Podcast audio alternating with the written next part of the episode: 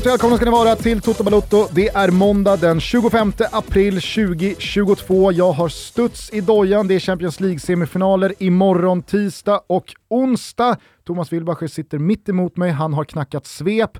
Han har marinerat och eh, fnulat på kammaren inför Toto-ballon april som förkunnas på torsdag. Mm. Du har en del eh, järn i den där eh, mentala elden. Ja, men jag har tänkt till lite kring Toto-ballon inför den här gången och har eh, några revolutionerande tankar eh, inför torsdagens eh, ballon. Men ska vi då helt enkelt lämna det därhän och kasta oss in i svepet efter en eh, otroligt händelserik helg? Ja, om det är det du vill, då är det det vi gör. Jo men alltså titlar har delats ut, ja. stora matcher har spelats och eh, feta rubriker har tryckts. Hörrni, vi går mot eh, härliga tider, det börjar bli varmare ute och eh, det börjar gå från minusgrader till plusgrader även på nätterna.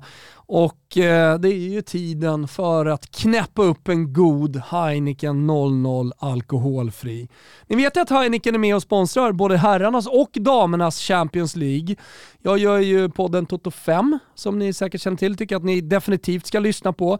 Och eh, varför nämner jag detta? Jo, Heineken också med och sponsrar damernas EM i sommar. Går av stapeln eh, under juli månad. Av denna anledning kommer vi i Toto 5 att rikta ett extra stort fokus eh, på just eh, damernas EM i sommar tillsammans med Heineken och ha feta tävlingar och sånt. Så missa inte det.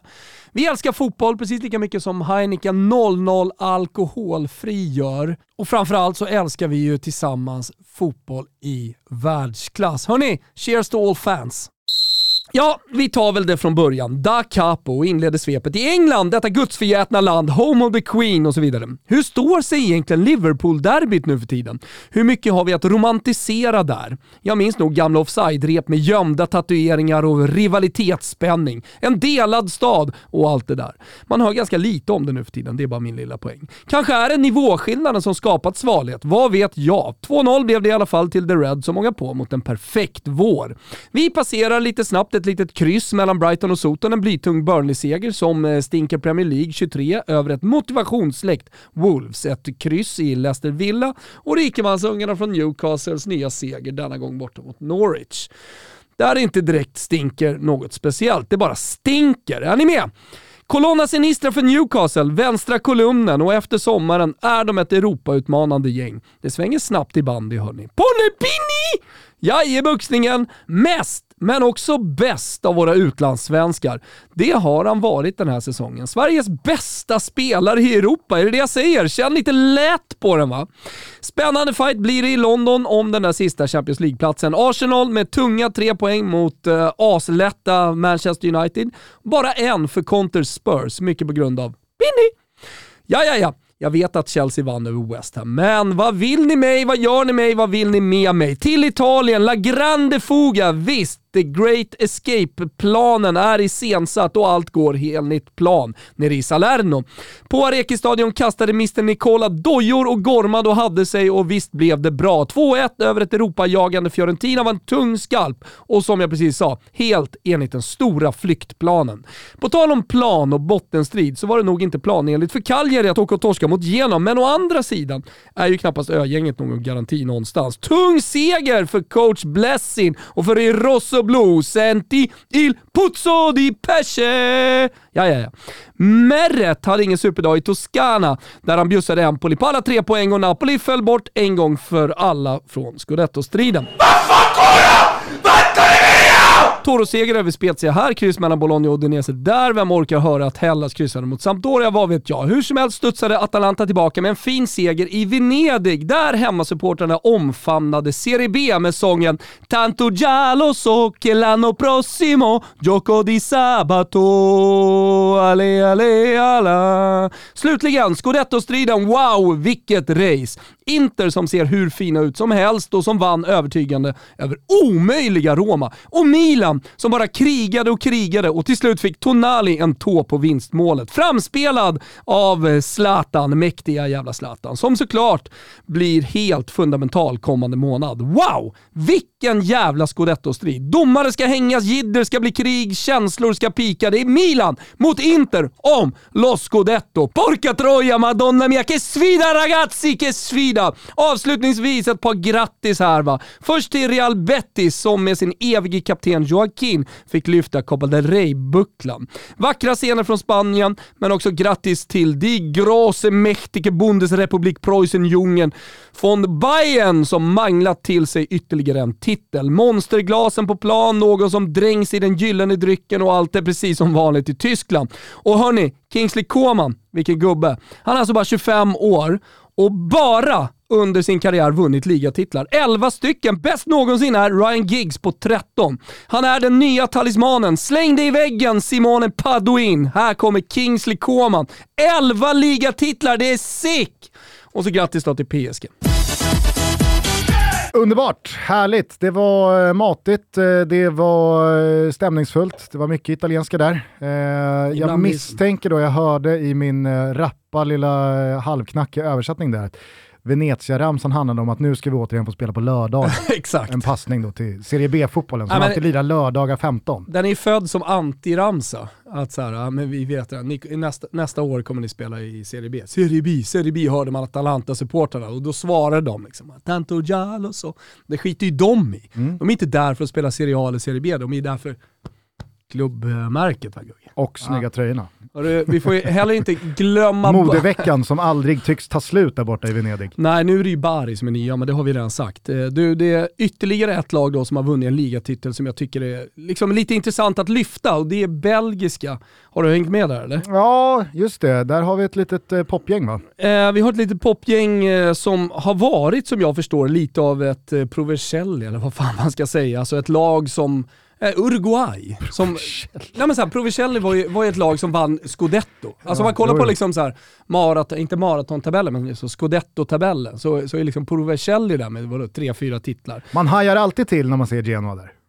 Ja, nej men Nio exakt. eller vad fan de har. Ja, nej men verkligen. De, de vann där. Alltså, vilket jävla lanterna-derby det blir liksom. på lördag för övrigt. Ja, det är sick. Det är alltså Genoa mot Sampdoria lördag kväll mm. eh, och det ligger väl eh, mer eller mindre en eh, Serie A-plats i eh, potten. Nu kan de inte hålla på och kryssa längre. Nej, men de kan inte göra det, eh, så det betyder hur mycket som helst. Men hur som helst, i Belgien, jag tycker ändå det är värt att nämna, de heter eh, Royal Union Saint-Gillois. Någonting sånt. De vann Union, eller Union, eh, de vann i alla fall en jävla massa titlar, eh, titlar pre-60-tal. Och det har man ju noll koll på. De har spelat i, eh, ja, men i Italien, slagit ut Roma och har spelat mot Birmingham, bla bla bla. Jag läser direkt vet vad, från vet, deras... Vet du vad deras klubbhistorik eh, calls for? Ett jada, jada, jada. Ja, men lite så. Jada, jada, jada. I mars 21 i alla fall blev det, klar, eh, blev det klart att de för första gången på 48 år gick upp i högsta ligan. Ja, ja, ja. ja. Och nu står de där som segrare, vann över Anderlecht i helgen och, och kan fira ligatiteln. Så det, det, det är också kul nu när vi ändå gratulerar, så behöver inte säga så mycket mer om det. Nej men eh, underbart, det är väl eh, pikt att lyfta det, men eh, jag tycker att vi bara snabbt kan beta av de där titlarna som ändå har delats ut här i helgen, för det är ju ändå lite det allt handlar om när säsonger ska summeras. Eh, vilka har egentligen vunnit någonting? Och vi kan väl eh, börja på den Iberiska halvön då och i Spanien där Real Betis alltså segrade i Copa del Rey mot Valencia efter en gastkramande final som togs hela vägen till straffsparksläggning. Real Betis satte alla sina fem straffar och den eh, sista målskytten blev en eh, blott 22-årig Juan Miranda som för eh, 17 år sedan, som en liten parvel, stod på läktaren som den Betis-supporter han är och såg då Joaquin lyfta Copa del Rey-bucklan senast Real Betis vann en titel. Och nu gjorde man det alltså tillsammans. Joaquin slog också in en av straffarna, Juan Miranda satte den avgörande föll ihop på gräsmattan, började gråta. Äh, det, var ju, det var ju stora, starka, stolta, vackra bilder som kablades ut. Och Sannoliken. Vem har inte en soft spot för Joaquin? Alltså, ja, finns den människan? Ja, men nu har finns dessutom... det någon som inte gillar Joaquin? Jag tror inte det. Alltså, han, han kan ju vara lite av ett rövhål, så jag tror att eh, Sevilla-supportrarna kanske inte håller med. Men i övrigt, vad har vi för liksom, kända Sevilla-supportrar i Sverige. Det var väl Kassnert som var inne, ja, ja. som var inne och skrev på Svenska ja. fans. Det börjar väl och stannar väl där? Ja, jag kan tänka mig det. Eh, och det, det var då kanske han då, som har något forcerat hat mot eh, Joaquin. Men han var ju dessutom och vände i Florens och gjorde det jävligt bra i Fiorentina. Han eh, gjorde väl en lite smutsig exit från Fio och Florens. Alltså han gjorde väl sig lite omöjlig där för att få komma bort. Men det känns som Nej, att men det vattnet, i och med att han var det bra, vattnet har runnit under de där vackra broarna 100%. I, man, i gillar, man gillar honom. Jo men och sen så jag menar, han är, han är jämngammal med Zlatan va? Han är 81. 81 mm.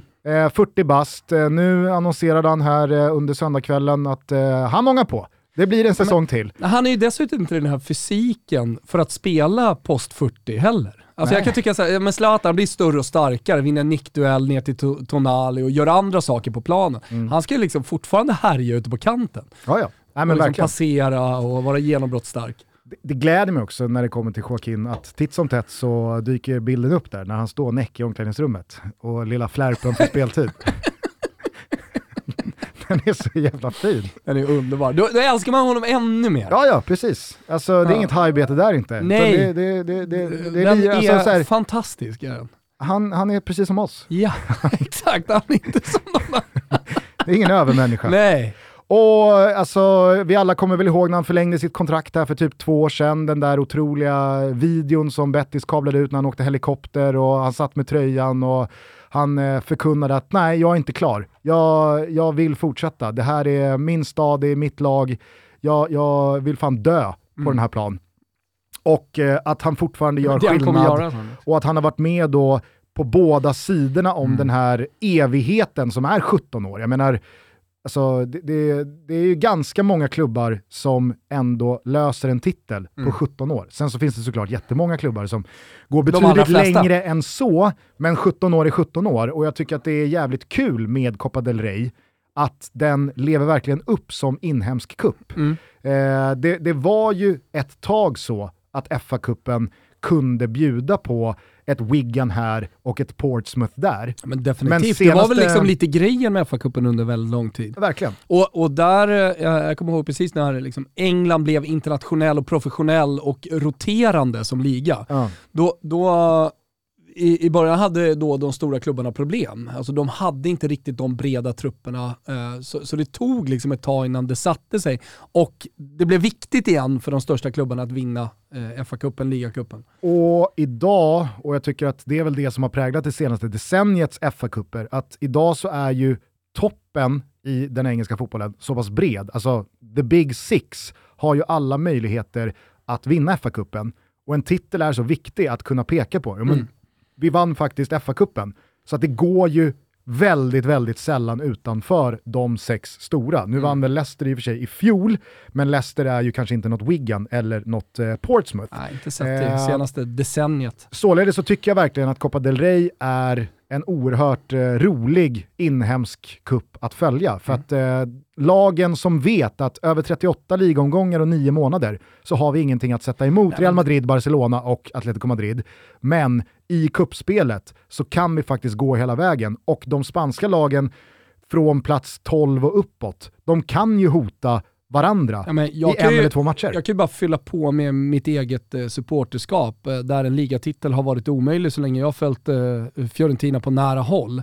Men där kuppen liksom har varit lite av en dröm och jag var ju på plats när vi mötte Napoli i finalen, Ilicic missade friläge, det var 30 000 på ena sidan, 30 000 på andra sidan, smockat Olympico och det är så jävla sällan du får också två, alltså det är typ landskamper där du får liksom en delad stadion. Mm.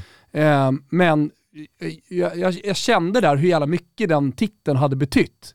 Att eh, liksom kröna en fjärde plats och ta sig till Champions League, alltså det i sig är ju, är ju jättestort som supporter för att komma ut till eh, liksom stora mäktiga Champions League, eller för den delen Europa League och bara spela i Europa och resa. Men att få kröna alltihopa med en titel, det, det, betyder, ja, men det hade betytt allt. Det fanns ju möjligheter till en delad stadion igår, men eh, Lotito tryckte upp biljettpriserna och eh, Lazio-supportrarna valde att eh, protestera. Så att det, det, var ju Milan som, som stod för eh, utfyllnaden av eh, Olympicos Ja men de var ju på igår. långsidor, inte bara kortsidor. Men vi kan, eh, vi kan återkomma till den matchen lite senare. Stort jävla grattis till eh, Joaquin, till Real Betis. Jag tycker också att eh, vi ska applådera Manuel Pellegrini som eh, alltså får oförtjänt lite hyll när det kommer till liksom, tränargärning.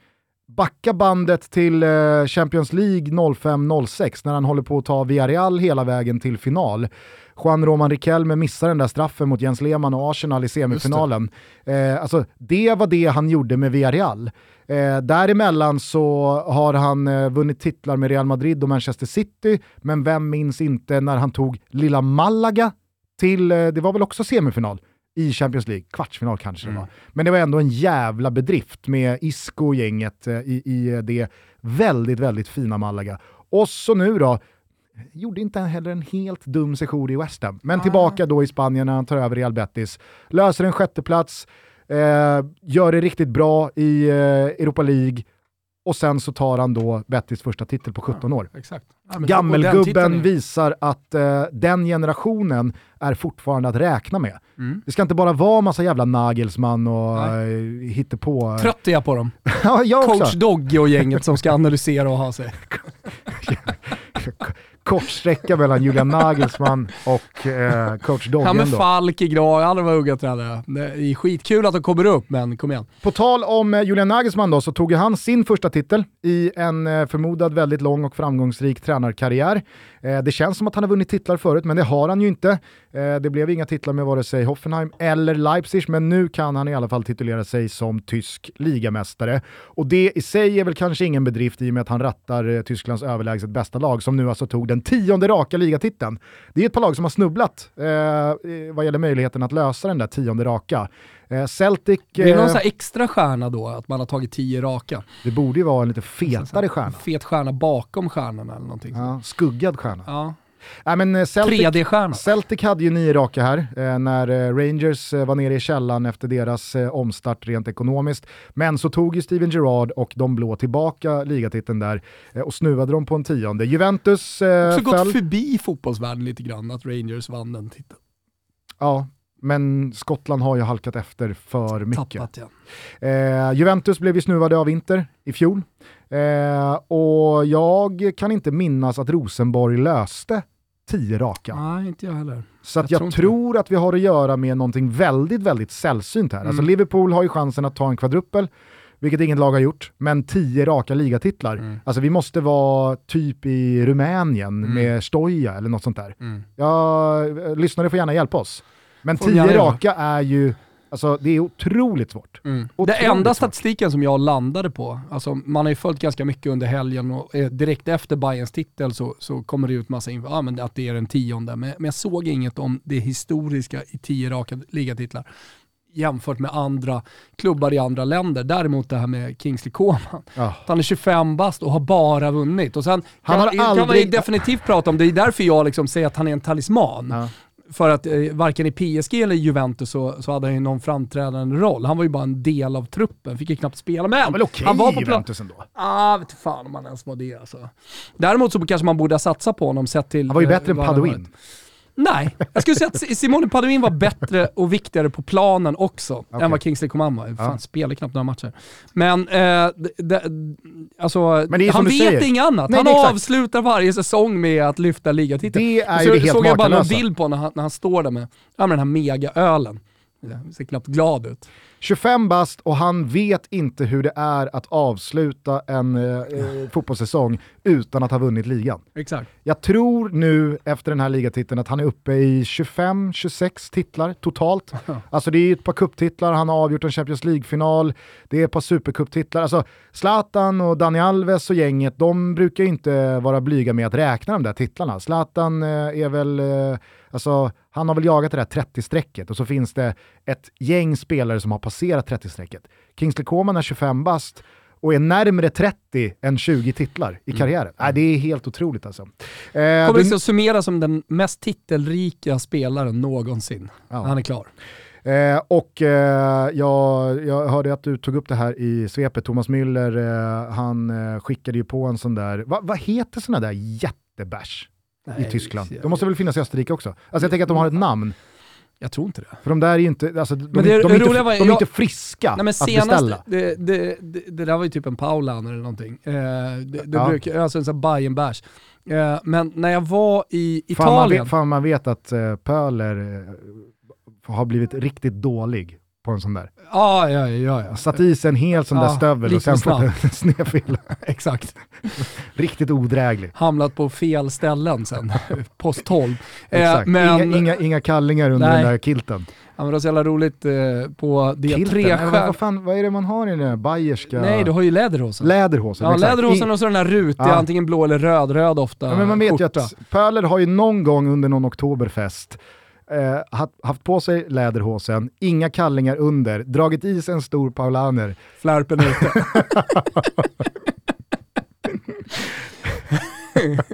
alltså älskvärd Pöler. Pöler och Joaquin, ja. de är precis som oss. Ja, precis som oss. Nej, men det, det, jag hajade till när jag såg Kings of Commando och undrade lite varför jag hajade till. Men när jag var nere i Cesenatico här nu i Italien, så på vår lilla, lilla bar på trestjärniga hotellet, så eh, hade de den bärsen. Och så stod det exakt en sån storlek. Alltså Ja. exakt samma storlek. Och vi sa det, vinner vi kuppen så fyller vi den där och liksom firar på. Eh, och eh, det var det som hände. Ja. Så att jag jag har liksom sett en full sån nere i Cesenatico för bara en vecka sedan. Ja, men Thomas Müller skickar ju då eh, över Bastian Schweinsteiger en sån här i direktsändning eh, strax efter slutvisslan när de står eh, pitchside i, med deras studio, jag vet inte om det var Sky eller Bein Sports eller vad det nu var. Och Schweinsteiger kämpar ju för att hålla masken. Mm. Eh, han blir inte glad. Nej. försöker ta det lättsamt, säger till Müller, Ja. jag sa att du inte skulle göra sådär. Ja. Müller skiter ju fullständigt i det. Gesagt! Han är väldigt, väldigt tydlig också, Schweinsteiger, med att han hade med sig ombyte, för att han visste att Thomas Ja. Müller går inte att lita på. Men han var inte glad.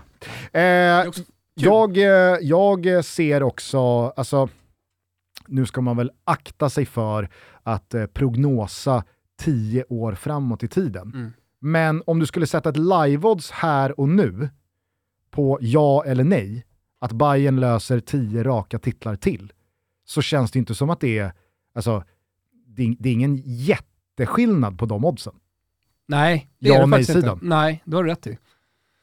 Alltså, det, det, ja, jag tänkte så här 50-50, vilken blir favorit? Nej men det är klart att det, tänka, det men måste ju vara det favorit på nej, Självklart. men det är inte 1,10. Gå för 20 säger du alltså. Alltså, Dubbla 3D-stjärnor. 15 tar de ju. Mm. Jag, jag, jag, jag, ser inte hur, den här... Hur, hur låg det till för PSG? Eh, nu, nu ska vi se, de har tappat mot Lille. De sumpade Ja. mot Lille, eh, de sumpade mot Monaco. Att jag, Monaco menar, också ja, just det. jag menar, nu, eh, PSG ska ta nio till Ja, ligatitlar Ja, innan de kommer upp i tio raka här efter att Lille tog den i fjol. Så att tio raka är ju extremt svårt hur överlägsen man än är vi- när det kommer till I truppvärde. Spanien händer det inte. I Nej. England händer det inte.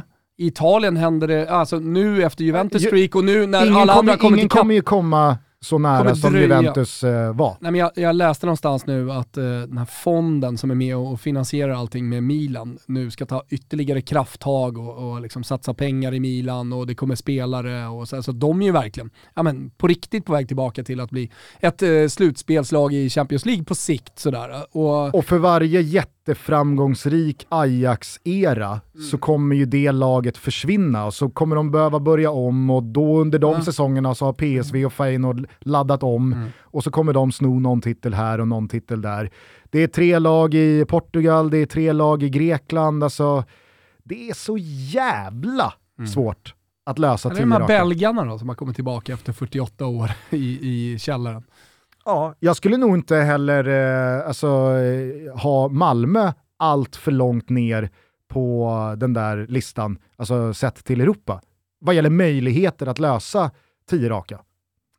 Jag säger inte att det sker för att allsvenskan, liksom, allsvenskan är ju en serie som i sitt Ja, DNA är för jämn och det är för små marginaler. Och som du alltid har varit inne på, Malmö må ha en ekonomi som är väldigt, väldigt eh, mycket större än alla andras. Men det är inte en ekonomi som gör det möjligt att köpa spelare som på, Gör på treans växel ja, bara går ut och städar av den här serien Nej. och vinner med 20 pinnar. Nej. Det får man inte för de pengarna Malmö besitter. Ja, men det kommer alltid tillbaka någon eh, eh Sebastian Larsson, någon eh, Albin Ekdal här och lag som satsar. Och det, det tycker jag verkligen är någonting konkurrenterna till Malmö FF har visat de, de senaste tio åren är ju liksom att de tänker inte ge upp, utan de kommer vara slagkraftiga. Ja, ja nej, precis. Och alltså, bara så ingen misstolkar mig, jag säger inte att Malmö nej. kommer ta tio raka. De har två raka och de har förutsättningar för att vinna ett par till. Och fyll på den där kassan ännu mer, ja då får vi väl se vad den ekonomiska skillnaden gör om två, tre, fyra år. Mm. Det vette fan. Jag säger bara att när det kommer till övriga europeiska länder så har ju Malmö ganska goda förutsättningar jämfört med många andra klubbar att faktiskt ta ganska många raka titlar. Toto Balotto är denna vecka sponsrade av Boka Direkt. Ja, men känn vad härligt det är. Det enda stället som samlar nästan alla Sveriges salonger och mottagningar i en och samma app och online. Så jag tycker man redan nu kan gå in och bara ladda ner Boka Direkt. Varför undrar ni? Jo, här kan du boka ditt nästa frisörbesök, massager, ansiktsbehandlingar, barberarbehandlingar, mm, tänker jag lite populärt, och mycket mer såklart. Fråga vilken kvinna som helst i det här landet. vänder om kanske och gör det redan nu. Och alla, ja eller i alla fall nästan, känner till Boka Direkt. Det är så sjukt smidigt och därför behöver vi män också fatta grejen. Vi måste sluta upp med neandertalarbeteenden va? som eh, drop-in-klippningar och spontant hoppa runt bland salonger och mottagningar som alla nekar en på grund av fullbokning. Vi behöver inte ha det så, vi kan också planera detta. För många har lönen precis trillat in på kontot och när är då ett bättre tillfälle än att unna sig den där behandlingen man har gått och tänkt på eller längtat efter än just nu. Gå in på Boka Direkts app och sök på herrklippning i närheten av dig och du kan enkelt då filtrera resultatet på just den specifika dag och tid som passar dig. Det som sen händer är att du får upp eh, alla salonger och mottagningar som har en ledig tid på din valda tid och plats och sen så kan man enkelt jämföra också, det här är smidigt, betygen och läsa kommentarer från tidigare kunder för att hitta rätt som passar just dig. När du hittat en tid så bokar du den enkelt med bara några klick. Dessutom kan man välja att betala behandlingen online och så slippa tjafs när man är på plats. Nu återstår bara för dig och mig att njuta av en behandling. Vi går in på bokadirekt.se eller laddar ner Bokadirekts app och så unnar vi oss detta. Vi säger stort tack för att ni är med och möjliggör Toto Balotto. Vi är denna vecka sponsrade av MQ, Sveriges största varumärkeskedja som erbjudit stil sedan 1957. Ja, men så är det faktiskt.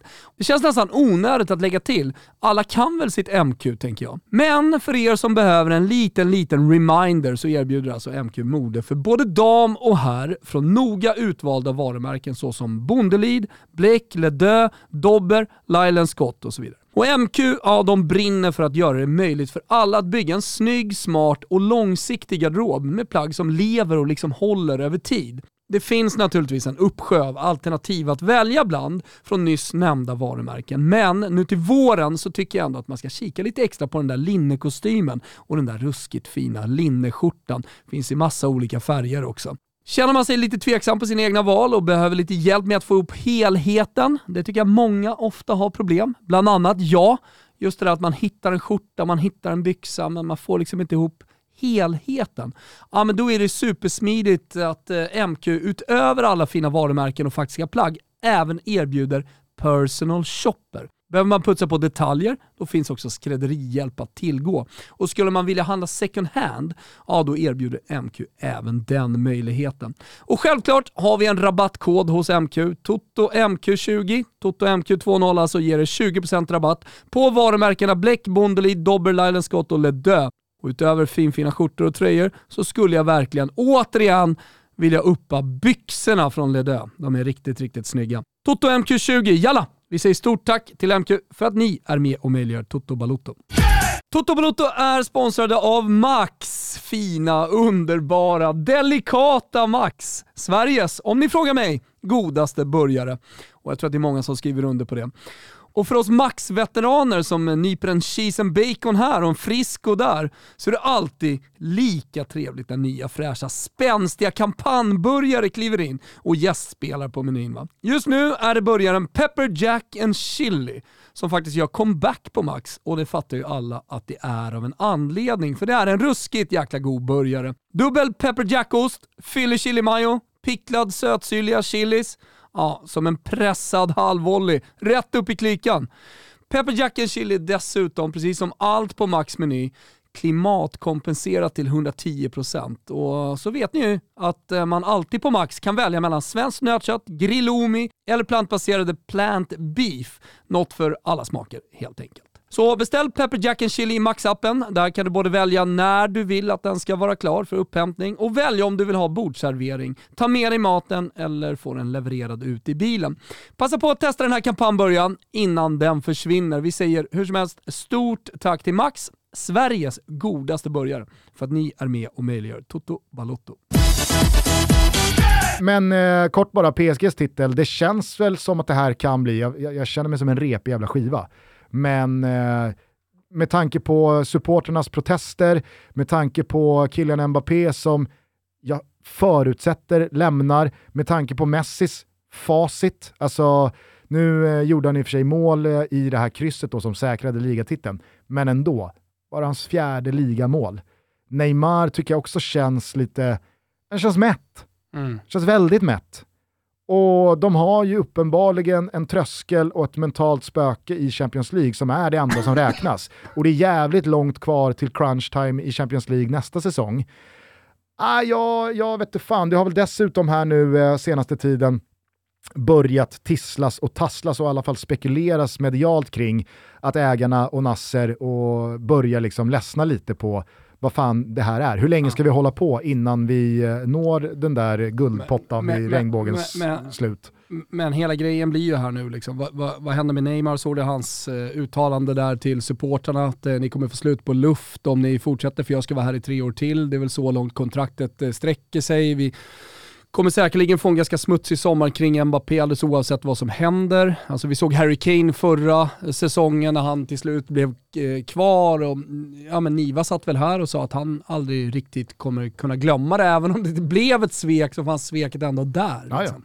Ett slags godkännande från Harry Kane som han har ju... inte var uttalat men ändå, uh, ja alla fattar det. Och han har ju hämtat hem ett svek tidigare med PSG-supportrarna. Mm. Så att jag vet inte hur mycket han har eh, att liksom, eh, spela på ytterligare med, med, samma visa en gång till. Eh, nej men, jag ska bara säga det också, nu är ju Erik Ten Hag, på tal då om att eh, Ajax eh, inte bara staplar tio ligatitlar på hög i en handvändning. Alltså det är ju det, är det här som sker när Ajax gör det bra ja. Eh, ett par år. Då försvinner de bästa spelarna och nu försvinner även byggnadsherre Erik Ten Hag till Manchester United. Det gör ju att Pochettino inte ska till United. Jag tror inte att han ska tillbaka till Spurs eh, för att Conte, han har nog inte gått dit ah, för att vara där ett halvår. Nu såg jag någonting om att eh, Conte hade uttalat sig, eh, eller inte uttalat sig, rykten att han hade kommit överens med PSG om ett tvåårskontrakt. Okej, okay, en swap då? Pochettino ja, tillbaka till Spurs. Exakt. Det, det, det var någon eh, fantastisk eh, lyssnare som skickade till mig från någon engelsk sida som jag inte kan bedöma om den är trovärdig eller inte. Han ska i alla fall inte tillbaka till England och Manchester United i och med att Ten Hag har tagit ja, det giget. Säg det då, är inte nej, det den perfekta swappen? Jo, absolut. Jag menar bara att om nu Pochettino skulle vara kvar i PSG mm. så känner ju inte jag att man kommer närmre den där eh, Champions League-bucklan. Man kommer inte närmre ett oerhört jävla liksom, slagkraftigt lag utifrån den truppen man hade i år, sett till vad man har fått ut av den. Jag, jag, jag, jag, jag är skeptisk, men mm. eh, ligatiteln vinner man ju utan att förta sig i Ligue 1 i alla fall Definitivt. den här eh, säsongen. Eh, kort bara, spontan reaktion på att Ten Hag eh, är officiellt klar. Eh, det har ju varit en riktigt rörig eh, senaste tid här för Manchester United. Eh, förlusterna mot eh, Liverpool och senast här Arsenal i helgen. nu är Ten Hag klar, men det är väl bara den första tegelstenen som ska läggas innan eh, någonting är Men du hade ju Rio, Rio Ferdinands eh, stora analys där om allting som skulle göras. Eh, det var ju någon som skrev där, men vad gör players. ni då i eran podd? Ni har också åsikter om vad som ska göras. Här. Men det var, det var lite skämtsamt, tyckte jag var lite kul, men, men eh, det, det han, om man ska ta någonting från det han säger, att det, allting måste göras om från grunden. Det är ju mer eller mindre det han säger. Mm. Alltså det, och börja liksom utveckla, satsa på egna talanger. Men det har man ju gjort samtidigt. Alltså det, allt från Rashford till Greenwood eh, som nu inte spelar, vad fan hände där? Ah, han eh, kommer nog inte dra på nej, sig Manchester United-tröja igen. Det, frågan är om han tar på sig någon tröja någonsin igen. Men, men, eh, Fängelsegäng? Fängelsetröjan? Mm. Ja, det blir någon fight i Brasilien mot, mot eh, Ronaldinho. Såg för övrigt också en bild. Kan väl skaka ihop ett ganska, ett ganska så rent fotbollsmässigt skickligt gäng i England nu ja, för tiden. På tal om fantastiska lyssnare så brukar de ju skicka in, eh, här, ja här är fängelseelvan. Och mm. sånt tycker jag är lite kul. Såg jag främst fladdra förbi när Mike Tyson var uppe i rätten i Brasilien för att han hade dammat till någon eh, brasiliansk eh, journalist eller fotograf på stan i typ Rio. Så han hade skadat sig, så det blev någon slags rättegång. Då kom man till den rättegången i alla fall i Diego Armando Maradonas Argentina-tröja. Tyckte det var kul, för att reta upp brassarna ytterligare. Det hade, varit en, jag... det hade varit en gubbe att sätta på topp annars. Han har ju sopat på dem på något flygplan. Jag la upp någon bild på vår Instagram på Mike Tyson i en argentina Ja det var han, den då. Han ser helt jävla vilsen ut. ja. Det är som att någon tar på den här och han har ingen aning om vad det är för tröja. Ja men han hade ju koll för han ville reta upp dem. Ah, okay. Så han hade full koll till och med. Ja, men eh, skit i det nu. Tillbaka till Manchester United. Erik Ten Hag, ny tränare och det är ju spontant i alla fall i min mage ett riktigt, riktigt spännande och eh, tror jag, klokt val. Mm. Han har ju eh, inte bara liksom en fluksäsong med Ajax utan han har ju ganska många säsonger här nu bevisat vad han kan göra med unga spelare, hur han kan utveckla dem, vad det är för fotboll han kan bedriva. Alltså jag, jag är mäktigt imponerad över hans facit hittills. Ja, men eh, framförallt liksom hela Delicht-generationen, eller laget ska man säga, och sen så tappar de spelarna, komma tillbaka och sen spela den fotbollen som man har gjort med, ja, lite ett nytt gäng. Mm. Det, det, det, bevisar ju någonstans att han fo, hans fotboll funkar och sen så liksom placera in spelare i, i, i det systemet så blir det bra. Eh, däremot så har man ju också en liten känsla, jag som gillar Ten Hag, att ska United in och förstöra den fantastiska tränaren här nu. Men jag måste ändå gå till positiva hållet och, och liksom tro att sätter man rätt spelare, toppspelare, världsspelare på liksom de positionerna eh, som Ajax-spelarna haft med Ten Hag som tränare så kan det bli riktigt jävla bra. Men det är så jävla viktigt också då att ha tålamod. Ja. Och det måste alla ha. För det, det kommer säkerligen inte gå på en säsong utan eh, det, det kommer nog dröja lite innan allting, allting flyter på och jag tror, eller tror, men, men i slutändan så ska ju Manchester United vara ett titelutmanande lag. Och då har du City där med, med Pep och du har Klopp där med Liverpool. Och komma upp där och börja utmana dem, mm, det tar nog lite tid och då är jag osäker på hur mycket tålamod det finns. Ja, men det är klart att det tar tid och här börjar vi närma oss knäckfrågan i den här rekryteringen och det här avstampet mot framtiden för Manchester United. För att jag menar, ägarna Glazers har ju uppenbarligen inga planer på att lämna och de verkar ju uppenbarligen utvinna så mycket pengar ur den här klubben att de är nöjda med de resultaten de har gjort även sportsligt. Så att jag tror att det viktigaste här och nu är ju att inte bara fylla på med rätt folk runt Erik Ten Hag, men kanske framförallt ovanför honom. Och där tror jag faktiskt Ralf Rangnick är jävligt, jävligt rätt. Men det är ju kommunikationen som du är inne på. Att alltså, verkligen från start predika om att glöm titlar nästa säsong också. Mm. Det, ska inte, liksom, det ska inte vinnas någon Premier League nästa säsong. Vi ska inte spela Champions League nästa säsong. Eh, förmodligen så kan ni även stryka titlarna 23-24. Mm. Tredje säsongen. Bygger vi om det här Förhoppningsvis så har vi så pass många eh, pusselbitar på plats om två och ett halvt, tre år, att vi då kan vara riktigt jävla slagkraftiga. För är det någonting Rangnick har vittnat om under 2022 år, under tiden han har varit i klubben, är ju att han är ju chockad över hur oprofessionellt och hur ruttet Eh, det här liksom, trädet är, det här bygget är. Att det är så många spelare, det är så många delar i hela det här sportsliga maskineriet som måste bytas ut. Och det gör man inte på ett fönster. Det gör man inte på två fönster. Det gör man på betydligt längre tid än så. Så att det behövs ju rekryteringar, men det behövs en tränare också som kan utveckla det materialet som finns över tid under de här övergångsperioderna, övergångssäsongerna. Men jag tror verkligen att det kan bli bra om alla låter Manchester United Hag, hållas och ja, ja. vara Men i Ten Hag är ju en tränare liksom Klopp och eh, Pep Guardiola. Nu ska jag inte jämföra dem, liksom deras storhet såklart, men han är i alla fall en tränare som kan sätta en unik eh, prägel på ett lag. Och eh, det tror jag behövs i Premier League idag för att kunna utmana de två lagen. Alltså du, be du behöver någon som lyckas med att sätta den där unika äh, prägen. Vita tröjor på alla och hattar så känner man ändå igen dem. Det, det finns inte så många tränare som, som är så, men Ten Hag definitivt. Och jag reagerade på det kring, det var väl runt Liverpool-matchen som Ranjik sa att helt ärligt så behöver vi förstärka, förnya, i princip helt och hållet byta ut alla lagdelar utom målvaktsposten. För att jag menar, alltså Maguire, det, det är över. Det, det, går inte att ha honom som, och han kommer säkert vara en, en hörnsten nästa säsong. Mm. Men det är det här man måste förstå. Sätter det kontraktet som Maguire sitter på så ska han ingenstans. För det är ingen som vill köpa honom.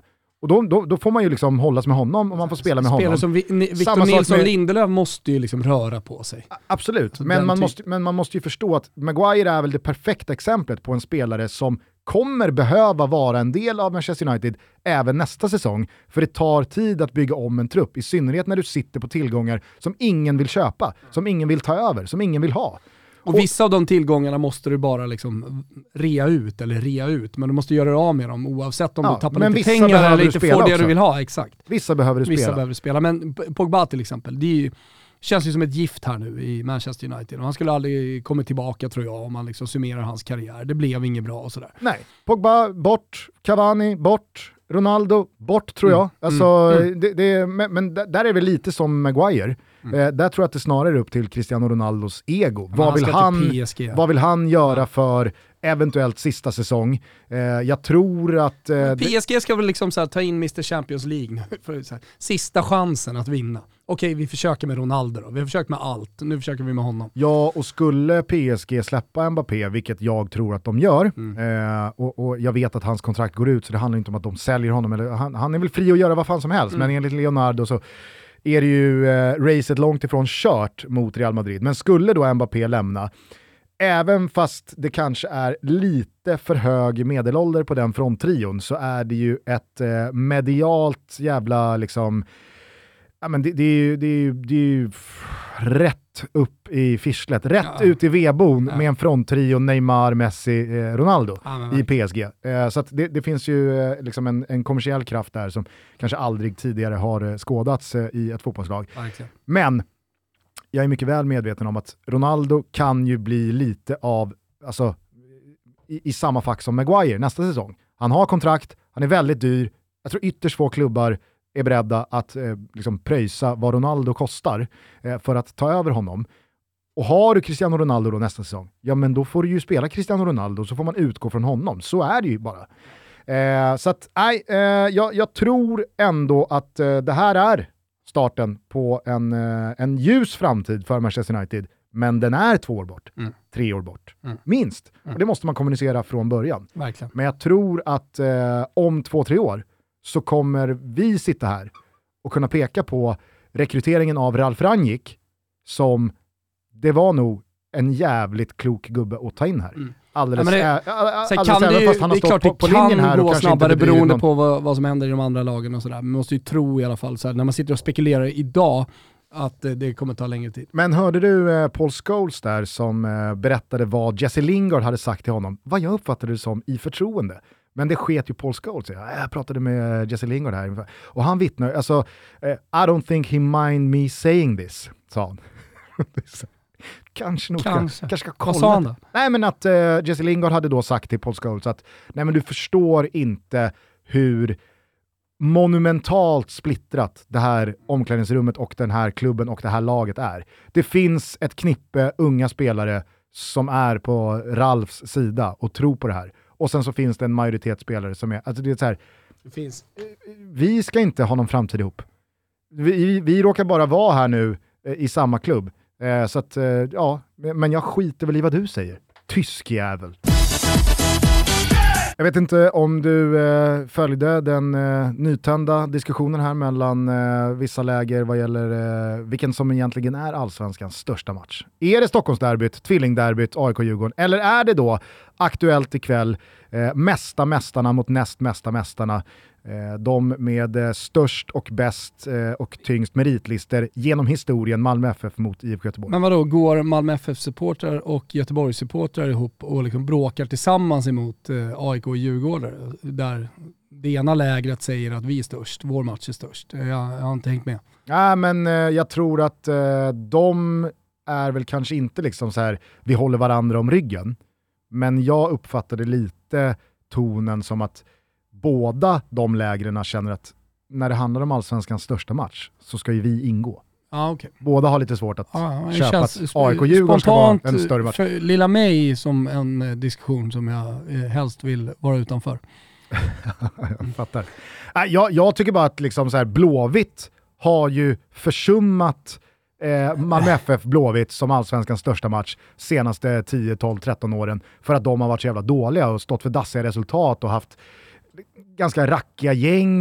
Nej, men det, det har bara känts liksom inte alls lika hett och stort och mäktigt och, och uppskruvat som tvillingderbyna eh, många gånger har gjort under samma tidsperiod. Sen har jag full förståelse för och respekt för att Malmö FF mot IFK Göteborg, när det kommer till liksom ett klassiskt stort möte i allsvenskan är enormt. Är det, är det inte liksom eh, Lazio, Roma, till... Milan, Inter och sen så har du Derby d'Italia mellan eh, Juventus Inter? Jag, är väl alltså- in, jag är väl inte chockad direkt att alla som håller på Malmö, Dortmund, alla, alla som håller på IFK Göteborg tycker att det är den största matchen och alla som håller på AIK eller Djurgården tycker att det är den Liverpool, största matchen. Liverpool, Manchester United kontra ett stadsderby. Jag vet inte, men det är väl stora matcher båda två, det är väl härligt? Ja, och eh, jag, jag vet egentligen inte var, var jag ska landa. Kanske är Malmö FF, Det är en trött kultmätartävling eh, kan jag tycka i alla fall.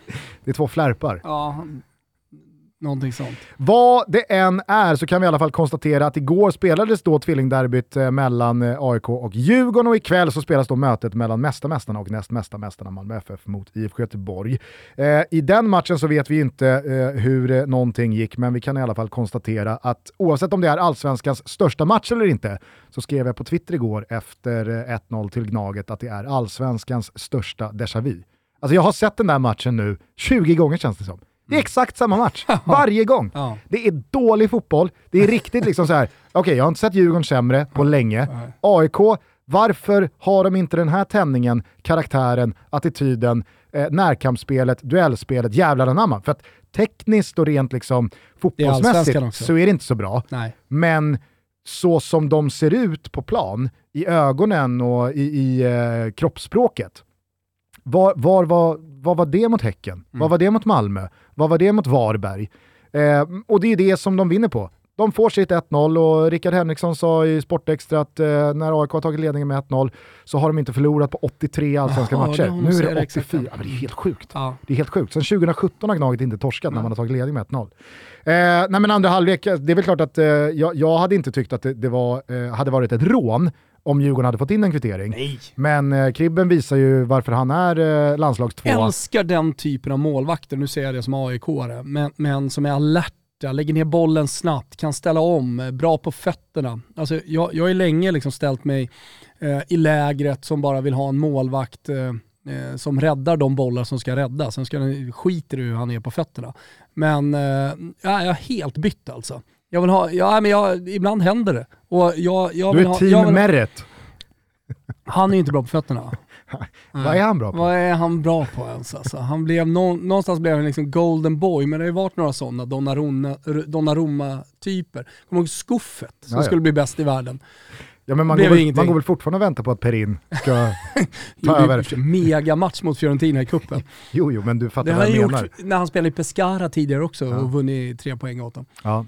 Eh, nej men, eh, alltså Kribben eh, visar ju individuell klass här och, och, jag tycker inte AIK på något sätt behöver be om ursäkt för de där tre poängen. Jag tycker inte att Djurgården hade behövt be om ursäkt ifall de hade fått in en kvittering, men det var måndag hela veckan. AIK fortsätter eh, vinna derbyn mot Djurgården. Allt är sig likt. Förutom då att Viktor Edvardsen har ridit in i uh, blåränderna. Och, han, uh, ingen stor match. Äh, men han, han, uh, han får ju lära sig här nu, den hårda vägen, att uh, om man ska talk the talk så behöver man också walk the walk. Ja. många kommer säkert ihåg när han då anslöt till Djurgården Detta i inte vintras. Mm. och då kan jag ju förstå att man liksom flörtar med supporterna, i synnerhet då med tanke på hans historik då med Blåvitt och sen så skulle han till Gnaget och sen så blev det Djurgården. Då får man ju liksom slå på den stora trumman och att man då väljer att prata om att jag ska se till så att det där derbyspöket dör en gång för alla. Han spelar ju högt, men det finns jag, bara, jag, finns jag bara kan ett köpa... sätt att liksom lösa det på. Det, det är att se Ja. till så att Jag kan köpa att han säger det när han ansluter till Djurgården i januari. Men under den här derbyveckan när han börjar liksom call out Micke Lustig, eh, Sotte och Alexander Milosevic med att säga att men AIK har tröga försvarare och de kommer inte hänga med. Och, men det är så här, snacka upp det så, sen gå ut och göra den insatsen. Ja, men alltså, det finns bara en sak för Viktor Edvardsen att göra efter den slutsignalen. Vet du vad det är? Svullo sa det en gång i tiden. Du ska bara stå och hålla din käft. Det är det enda man kan göra. Efter att ha snackat, presterat den insatsen, torskat, då kan man inte bolla upp till Lustig, till Milosevic, att liksom så här gnälla på hur de firade och det var respektlöst och det var fegt och det var äckligt och alltså det var dra igen kakhålet, gå och duscha, snacka inte på några dagar. Istället så blir det ju smashläge för Milosevic och Lustig. Eh, alltså, vad var det Milosevic sa? Det, det är lätt att vara kung i byn, men man blir lätt en bonde i huvudstaden. Något sånt ja. Och Lustig börjar prata om sig själv i tredje person som Mighty Mike. Och, alltså det, det är så här, jag, jag, jag, jag gillar ju att Edvardsen ändå spänner bågen, men jag kan så här med facit i hand känna det, det, är, det är för... Sju- För att man som aik nu nästan liksom bara räknar in de här segrarna innan. Man är knappt glad, glad längre. Man känner bara, ja, det var tre poäng som vanligt. Det är märkligt att man har kommit dit. Jag tyckte det också var lite pikt av eh, han eller hon som skötte eh, högtalarsystemet på eh, Friends att spela Enough is enough Mm. eh, när Kim Bergstrand gjorde sin eh, efter matchen intervju med Camilla i Discovery+. Plus. Det Just. var, det var, eh, det, det var så här eh, banter på precis lagom nivå. Ja. Eh, gillade jag skarpt. Eh, har du någonting annat att tillägga om eh, derbyt? Eh, nej, inte speciellt mycket. Två ruskigt feta tifon. Eh, alltså, det, det är återigen, det, det, det är ju allsvenskan, det är fullsatt, det är eh, otrolig stämning och nej men fantastiskt. Det var väl dock, alltså, det kan ha varit några riktmickar som stod lite märkligt, men eh, det var väldigt mycket PA-system. Vet, du vilka som är värst i världen på det? Jänkarna. Ja, Milan. Ah, okay, har, har du hört Kurva Sud nu? Alltså hela den här säsongen alltså. Det, det, det är bara det var- det var kul, gubben. för Alltså, någon- det, han, han, han är liksom linslus höll jag på att säga. Han vill höras hela tiden. Man hör bara honom. I sångerna också. Skruva ner gubbar. Jag, jag tycker det är kul eh, den tes du driver eh, lite under radarn i WhatsApp, att eh, svenska supportergrupper och tifo-verksamheter har för mycket pengar.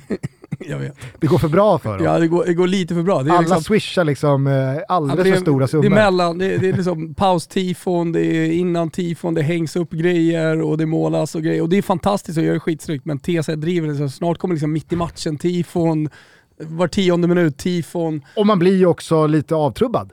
Alltså man blir ju lite bortskämd och eh, mätt. Alltså, det, Alltså, men jag så jag som är inte uppvuxen Nej, men- med liksom paus-tifon. Nej, men så som du säger Då att man kommer som bränningen, man vet att kommer det ingen bränning inför matchtifon, då vet man okej, det kommer en fet bränning i paus då. Men så som du säger att man som aik börjar vänja sig vid de här segrarna, det blir en axelryckning. Ja, vi vann, alltså, det är väl klart att vi vann derbyt mot, eh, mot Diffen. Ja. Lite blir ju jag som all, alltså, det så här, alla de här otroliga tifo-koreografierna.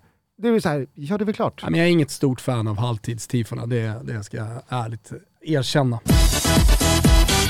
Toto Balotto är sponsrade av Portia, nästan 100 år av svensk stil och klass vad det gäller herraccessoarer. Konrad Åkesson hette han som grundade Portia 1924 och företaget det drivs faktiskt än idag av familjen. Och det gör ju varumärket unikt och det är svårt att hitta något liknande vad det gäller stil och klass inom accessoarer för män på marknaden. Och även fast Portia älskar sin historia och sina långa traditioner så går det alltid att skönja dagens trender och det moderna i deras produkter. Portia kombinerar en retrostil med en lekfullhet vad det gäller färger, mönster och material. Och själva accessoarerna då? Jo men Portia de erbjuder allt från slipsar till skärp till strumpor, näsdukar att ha i kavajfickan, läckra scarfer. Hörni, våga köpa en scarf det sätter ju verkligen pricken på i när man har sin outfit klar och man vill gå ut i våren. Man toppar liksom sin outfit med den här scarfen. De har riktigt snygga badbrallor, de vill jag också slå ett eh, slag för. Jag har två stycken nu hemma inför badsäsongen och den börjar ju, som alla vet, innan juni. Det är viktigt, man tar sitt första dopp i maj. Där jag är uppvuxen, i Rönninge, där tog vi det första doppet faktiskt redan på valborgsmässoafton. Det fanns en härlig tradition där. Men det viktiga är ju när man hoppar i badet, hade riktigt snygga badbrallor. Och så står man där annars i typ juni, juli, när man har fegat ur länge och ska hoppa i och så hittar man inte sina badbrallor från förra året som man är lite trött på. Köp dem på Portia. Och vad gör man det då? Jo, Portia 1924, portia1924.com. Där hittar ni allt ihopa. Och när ni sen då har hittat det ni ska köpa, ja då klickar ni i rabattkoden TOTOBALOTTO20, TOTOBALOTTO20 alltså. Och då får ni 20% på hela ert köp. Vi säger stort tack för att ni är så generösa med hela 20% och för att ni är med och möjliggör Toto Balotto. Vi är sponsrade av Celsius. Ni vet drycker man dricker om man eh, vill satsa på sig själv och eh, man vill ha härlig energi genom hela dagen. Jag brukar alltid börja med Celsius. Jag var i en butik eh, häromdagen och så såg jag att Celsius Sverige just nu har vårens bästa butikstävling. Jag tänker att alla måste kika in den. Där kan man alltså vinna en surfcamp i Portugal och vem fan vill inte vinna en surfcamp i Portugal? Man kan alltså surfa in på deras hemsida också då och vara med och tävla. Och passa på att eh, knäcka då en iskall Celsius tänker jag. Varför inte då sommarens smak Tropical? Och uh, vara med och tävla. Och så kanske just du som vinner den här surfcampen i Portugal. Otroligt sexigt, någonting som jag gärna skulle vilja göra. Kanske ta med Gugge på det också. Celsius, vi säger stort tack för att ni är med och möjliggör Toto Balotto. Ska ja. vi ringa på med eller? Eh, det ska alltså, vi väl absolut göra. lite Malmö, eh, kanske, kanske ganska lite Malmö, ganska ja, mycket Brentford. i Malmö. Exakt. Nu, vi vill, Tidlöst eh, surr om säsongen. Premier League-runka. Mm. Hallå där Pony! Äntligen! Är hela familjen med? Hela familjen med, hör inte. Hör du oss Åsa? Vad sa du? Hör du oss? Ja, det är jag som kör ju, så jag hör bäst. Ah, härligt. Har, har ni kommit upp på motorvägen nu? Nej, inte ännu. Men eh, nu, lägger jag ett litet, eh, nu lägger jag ett litet pussel här. Åsa bakom ratten, har vi att göra med en bakfylla? Nej, Åsa kör faktiskt alltid. Alla blir lika chockade varje gång jag säger det. Snyggt! Snyggt. Härligt! Det är väl bara jag som sitter fast i mina mossiga vägen. könsroller. Ja, exakt, exakt. Hur har ni det i London? Vi saknar er. Ja, nej, vi, vi lever livet. Inget att klaga på. Vi har ju aldrig, av, vi har ju aldrig av längre så att man får ju... De är för stora för dig nu. Nej, vi känner snarare tvärtom. Ponny är ju med i alla andra poddar. Han är med i det här Toto-svenskan och Malmö-poddar. Sen var han ju jävligt het på det här nya på Twitter som kom. Clubhouse på Twitter. Och skulle vara med i diskussioner Hur också. går det borta på Clubhouse? Alla, alla använder mig i alla sådana här startup-event. Så det gjorde ni också i början. Sen skiter ni i mig när det där blir stort. Ah, det vete fan ändå. Alltså, jag tycker ändå det finns en ömsesidig respekt för varandra och en eh, kontinuerlig lina som upprättas här och där. Eh, när du tömde fickorna i eh, helgen, eh, vad, vad hittade du då på nu? Ja, vi har blivit mer ödmjuk med åren, men hade du frågat mig för några år sedan så hade jag sagt att Harry, Harry Kane låg där. Han dök upp där. Det var nycklar och det var mobil och det var några pund och Harry Kane. Ja, han hade en tuff eftermiddag där. Men du, vilken jävla säsong du gör. Uh, återigen, du väl, uh, vi skrev väl lite om det uh, på just WhatsApp tidigare. en av de spelarna, eller är du den spelaren som har spelat flest minuter i Premier League den här säsongen? Jag var ju det, tills jag blev magsjuk förra, eller förra helgen. ja. Men jag är med där uppe, jag missade en match, annars har jag spelat varenda minut. Ja, men efter en eh, lite eh, skakig och eh, svajig eh, vinter så gör ni ju en ruskig jävla vårrush här med fem segrar på de eh, sju senaste och det är tre raka efter eh, alltså, ruskigt imponerande insatser. Man nollar ett glödhett Spurs och nu kan det ju här sluta på övre halvan som nykomlingar. Eh, jag hörde dig efter eh, matchen mot eh, Watford prisa också Christian Eriksens eh, intåg i laget, att det är den bästa spelare som eh, du spelat med. Det, det är fina jävla tider i Brantan just nu. Ja, nej vi hade, vi hade, vi hade en tuff vinter men också om man ska komma ihåg vissa av de matcherna vi hade då. Vi hade nästan alla de tuffa bortamatcherna där och då. Men såklart, det är tufft när vi förlorar sju av åtta matcher. Såklart, det var inte optimalt. Men eh, nej, alltså vi, vi fortsatte bara köra på och ändrade egentligen ingenting. Och sen kom jag, Christian in ju. Och ja, han är, han är, på en egen nivå kan jag säga. Alltså. Hur mycket, hur mycket har han pratat om eh, det som hände på parken i, i somras? Eller är, är det någonting som eh, man, man inte berör och som man har lagt bakom sig? Han, han, han hanterade jäkligt bra. Det första han gjorde då, första mötet, som att inte presentera dem alla visste, visste såklart vem Christian är, men då sa han typ så, ja alltså har du några frågor så ta det gärna idag och sen efter det så, bara, så, så bara glömmer vi vad som har hänt och, och, och kör vidare. Och inget som vi behöver beröra mer än så. Så att han hanterar det jäkligt bra. Sen har egentligen inte varit några frågor. Men man har varit, det har varit privat en och en. Vad ska man säga? Det var mer att man är glad att han är tillbaka, glad att han kan spela fotboll. Sen så har man lärt känna honom att, att det är en fantastisk människa också. Eh, jag, jag, är lite nyfiken, eh, för några år sedan så såg man ju Wolves komma upp som nykomlingar och eh, direkt prestera och nu så är man ju verkligen etablerade på den övre halvan och gör sig gällande mot precis alla lag mest hela tiden. Ser du en liknande framtid för Brentford kommande 3, 4, 5 åren? Ja, det tror jag. Jag tror Brighton är nog bättre jämförelse till Brentford än vad Wolves är. Eh, det är lite snarlika ägare, eh, jobbar på ett liknande sätt. Eh, Brighton är nog ett bättre exempel, men alltså Brentford har ju väldigt höga ambitioner och visioner om att ha ett topplag inom, inom ett par år.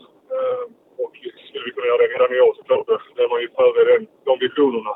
Men eh, ja, det är ett par matcher kvar att spela och ett par lag som har någon match mindre då, så vi kan ju såklart ha en position. Eh, Även första säsongen. Klart, vi är inte matematiskt klara nu, men det ser såklart bra ut. Men eh, ja, vi tar det match för match som vi gjort hela året, även fast, fast det nu har gått bra situation. Men du, eh, jag tänker på, vi pratade om eh, att det var länge sedan vi hördes. Eh, det var lika dålig lina, det var svajigt borta i Leeds då. Då var det Championship och sen så gick det inte upp. Jag kommer ihåg, det var några av våra lyssnare som gjorde sig lite lustiga över att Leeds sen gick upp, du var inte med i det laget. Kan du känna att det här är någon slags revansch eller skiter du helt i, i sånt snack? Jag kände nog mer så när jag var yngre. När man blir, äldre blir man klokare. Alltså klart att jag till slut, att jag till slut fick, fick uppleva Premier League och, och, och kunna göra det på, på en bra nivå, kunna prestera, kunna spela varje match och, och förhoppningsvis kunna sluta så högt som möjligt. Det är klart att, att det känns bra. Jag ser inte det som en revansch till någonting om jag ska vara ärlig. Det är mer att, att allt hårt jobb lönade sig till slut. Att jag aldrig gav upp. Lite mer så i så fall. Mm. Men jag tänker också så här, du är väldigt öppen i alla forum du pratar i eh, om att du vill komma tillbaka till Malmö. Jag vet att ni bygger hus där nere och det, det, går liksom framåt och allting sånt där. Så det är liksom ingen hemlighet. Men jag menar när du spelar så här bra eh, i världens bästa liga som den är omnämnd, Känner du inte liksom att du bara vill fortsätta och spela på den högsta nivån? För det är väl också en, liksom en fotbollsspelares eh, eh, drivkraft? Jo, såklart. Det är också därför både min dialogen jag har med Brentford är att vi tar det säsong för säsong och det är de ju också väldigt eh, positiva till. De, vi vet var vi har varandra. Eh, det är samma med min relation med Malmö, det är samma där. Vi vet var vi har varandra.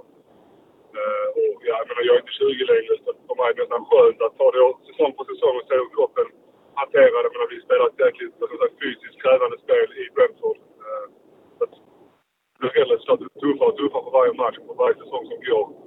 Eh, men här och nu så känner jag mig nog i bättre fysisk form än vad jag någonsin har gjort. Så just nu så känns det såklart rätt långt bort med Malmö, men eh, alltså dialogen är att vi tar det säsong för säsong och så ser vi hur, hur, hur det är. Jag har en säsong till kvar på kontraktet.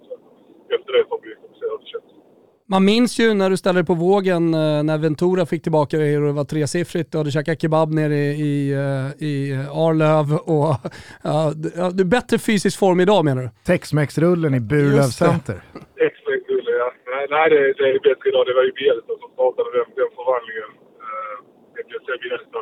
Och också samma där att man blir äldre och mer mån om saker och ting som man lärt sig. Men ja, det var ju Bielsa som jag ska ge cred för den. Men du, det blev ju till slut eh, Premier League efter eh, många år en trappa ner i Championship. Du har ju även dina år i Torino och Serie A att jämföra med. Hur stor skillnad skulle du säga att Premier League är på de säsonger och serier du tidigare upplevt? Nej, men det är ganska stor skillnad. Denna gången jag kände typ i Italien, då spelade jag såklart inte varje match. Eh, det den enda gången jag kände var när jag Napoli, att det var på en annan nivå. Eh, och lite så är det. Många av de matcher vi spelar är jäkligt intensiva, jäkligt tuffa, det går snabbt som fan det är som att man spelar varje omgång så, så, så lär man sig hantera det. Italien match, jag spelade en match sen vilade tre, fyra. Ofta spelar jag mot de lagen som, som, som, när, som när vi tog att kunde rotera lite och vila de andra. Så denna gången är egentligen inte toppen där som var Napoli. Och då gjorde ju sig det när de, när de var som bäst. Så det är klart det var en tuff, match. Men i Premier League så man lär sig att hantera man växer in i det. Eh, jag har också haft ett par dåliga matcher den här säsongen. Men över stora, stora dagar på säsongen så har det ändå känts bra att man, att man lär sig för varje match som går. Men eh, nu eh, har du ju spelat eh, nästan flest minuter av alla. Du har mött samtliga lag. Vi är på den absoluta eh, slutspurten här av serien. Om du bara får eh, nämna vilken eh, som eh, du tycker är eh, seriens bästa anfallare, seriens bästa mittfältare och utöver dig själv då, seriens bästa försvarsspelare. Låter det då? Uh, vad låter det då? Eh, när Kevin De Bruyne som du säger så var, var det nu placerad han som mittfältare och anfallare. Men han, han för mig är på en egen nivå. När det kommer till i Premier League som jag har mött. Fan vad glad jag blir att höra det. Ja, men han är så skarp i, i allt han gör. Hur han tänker, hur han rör sig. Även hur han är som människa, hur han för sig om man kan säga så. Väldigt trevlig, en riktig gentleman. Han sparkade ner mig två gånger riktigt fult men var ändå där och sa, det- sa förlåt och tog mig handen och bad om ursäkt även efter matchen. Sånt ser man kanske inte alltid i, i Premier League mot de mindre lagen. Så verkligen en gentleman och en väldigt fin spelare. Så han, han för mig är den bästa. Så att placera han som mittfältare så, så är han den bästa mittfältaren. Eh, anfall, jag vet inte, den här frågan får man ju såklart alltid ofta när man gör intervjuer. Vem är den tuffaste du mött? Ofta är det anfallare jag möter. Eh, Kane var ju inga problem. Ja, men han var ändå jäkligt skarp. Alltså, man kan inte slappna av mot sådana spelare. ju. Och när vi mötte dem på, på bortaplan så var han jäkligt bra också. Så han är nog med uppe där, han och, och, och Son, hans lekkamrat. Uh, Danny Ings tyckte jag också var jäkligt skarp när jag mötte honom. Tuff att hantera, tuff att möta. Det blir jag väldigt glad av att höra. De här större spelarna, det blir ingen match för mig. Jag är nästan för stark för det. Lukaku och de här. Det blev nästan för lätt. Känner vi igen dig? Men, eh, men eh, nej, alltså jag anfaller. Jag säger nu någon av dem då. Kane eller, eller Ings. Eh, De har egentligen allt. De är kvicka, de är stora, de är starka och, även bra med bollen och så här. Och försvar... Alltså, van Dijk för mig, van Dijk. Han, han var inte så jäkla bra när vi mötte dem då. Men jag får säga honom. Han är också där. Han är, är på en egen nivå. Ja, det äh, det, det är väl inte mycket att argumentera emot. Eh, du, eh, jag tänker att eh, vi, vi kan väl höras eh, snart igen, kanske när säsongen är färdigspelad och eh, du ska hemåt mot eh, Sveriges södra delar. Ja, men jag tänker en lite bättre lina, ett lite längre serv. Vad säger du om det Ponne? Ja, jag ska faktiskt till cupfinalen ju. Så då är jag i Stockholm. Så jag kan träffas och ta en kaffe då. Jaha. Göra någonting. Vilk- 26 maj. 26 maj, ska vi inte försöka boka in en liten sittning här i vår nya studio och sådär, så får du komma och hälsa på? Det hade varit svintrevligt. Ja, ja vad fan vad kul. Det blir Jag underbart. måste acceptera det. Ja, du, eh, hur laddar du inför eh, kvällens match? Ja, vi sitter i bilen här nu på väg hem. Par timmar kvar. Eh, Men vi ska såklart se matchen. Kollade Stockholmsderbyt igår också, jag och Robin och, Kraft. Var inte jätteimponerad av kvaliteten om jag ska vara ärlig. Men vi kollade i alla fall. Nej, det var inte jag heller, men eh, det var ju samtidigt precis det man förväntade sig när AIK möter Djurgården. Man har sett den här matchen 20 gånger. Ja, det var ett par spelare som vi satt och irriterade oss över. Ni får själv spekulera i, i vem det var. Men du, eh, tar du Stares... Ja, ja, jo. Jag tror att vi har pratat om honom eh, innan vi ringde dig också. Eh, men eh, tar du Stares Blåvitt på allvar eller har du lite bluffkänsla här nu inför eh, matchen mot Malmö ikväll? Nej, det är en riktig bluff. De, eh, de är inte med där uppe i toppen ingenting. Eh, Mittenlag i mina ögon. Jag tror de kommer att halka ner. Det är kul att de är med, ska sägas. Men jag tror att de kommer att eh, sluta någonstans mellan 8 till, till 6, 5 kanske. Med en riktigt bra säsong. Med ska de vara, stryk ska de ha. Och, och visst är du med mig på att Kalmar FF kommer 8-9 i år? Ja, Kalmar håller jag som, Tack. som nia. Härligt, härligt. Men du Ponne, fan, eh, kör hårt sista fighterna så ses vi eh, kring eh, cupfinalen då. Det gör vi. Det gör vi. Tack för att ni ringde. Eh, ta hand om dig och ta hand om dig också Åsa. Detsamma. Så eh, hörs vi. Kör försiktigt. Ciao. Hej, hej. Ciao, ciao, ciao. Två korta grejer. Nu, vi- nu är vi långa. Ja, Nu är vi långa, men det är, så får det bli ibland. så får det bli. Det är mycket som har hänt senaste dagarna. Eh, nej, men två korta grejer bara från eh, Italien. Mm. Eh, som du nämnde i, i svepet där, det är ju en jävla scudetto-strid vi har här nu mellan eh, Milano-lagen.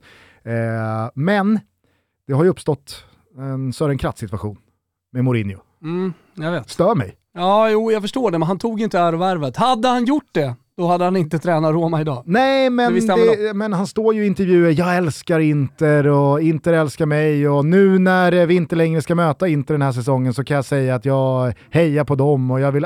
Håll käften! Du ska bara stå och hålla din käft. Okej. Nej men håll med mig. Det är, li, det är lite för kladdig liksom, eh, redan på kuppkvarten så var det ju banderoller och budisar och liksom eh, ömsesidig Man ser kärlek. ju hur mycket och, han älskar när sången rullar över hela stadion. och nu kom ju liksom mega koreografin. Ja. Och det var, jag känner bara så här, nej, nej. En trippel är en trippel vet du.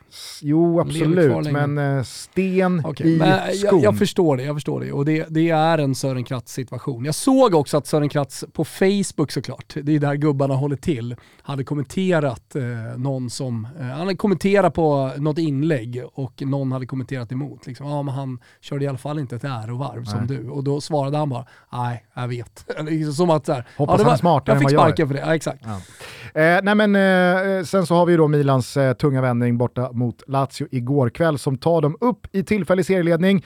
Eh, läget för de som inte hänger med i Serie A-toppen är sådant att Milan har fyra matcher kvar att spela, leder med två poäng före Inter som har fem matcher kvar att spela. De har ju den där häng-corona-fighten mot Bologna i övermorgon. Eh, men jag tror nog att eh, man inte ska underskatta det faktum att Inter har fem matcher plus en kuppfinal kontra då Milans blott fyra Serie A-matcher. är det någonting man har lärt sig den här säsongen så är det inte att räkna ut något av lagen, utan att eh, liksom, även om det skulle vara två poäng eller till och med tre poäng så tror jag att allt kan hända fram till den sista omgången.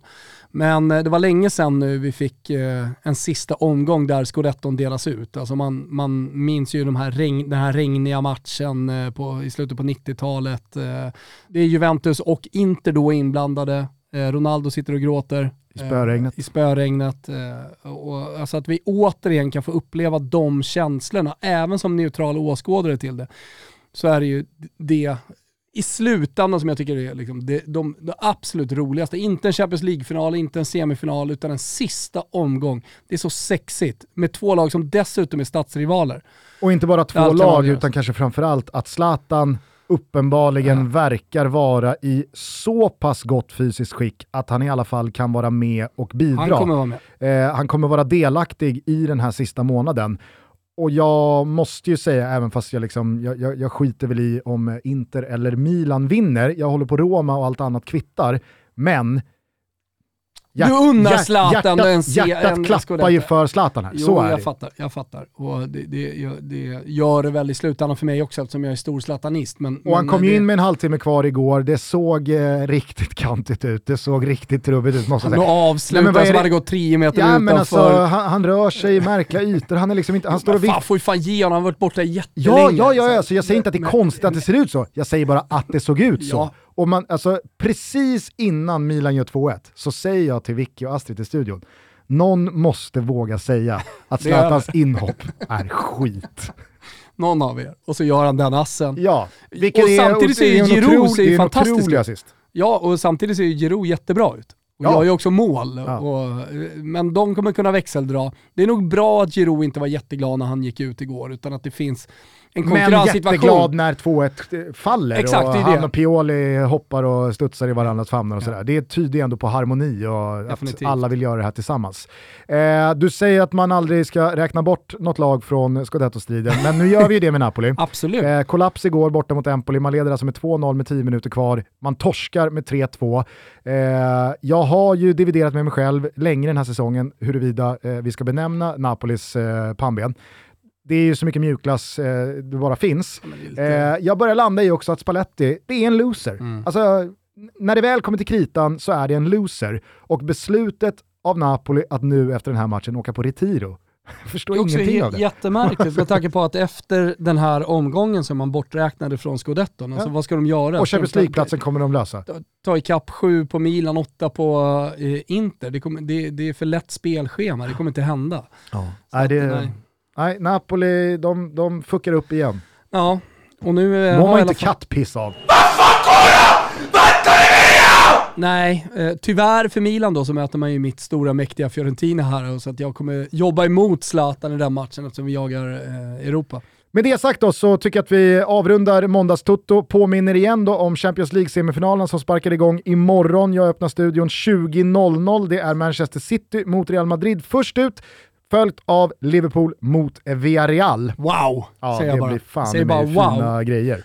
Och då tänker ni så här, ha men inför de här matcherna, hur har ni tänkt då kring Betsson, tripplar och så vidare? Jo, vi har skapat två stycken raketer för alla som är över 18 år som man kan rygga borta på Betsson.com under godbitar och boostade odds. Vad tror vi på då? Jo, vi tror på en riktigt målrik match mellan City och Real, över 2,5 mål, båda lagen gör mål. Vi tror också att det blir straff i matchen.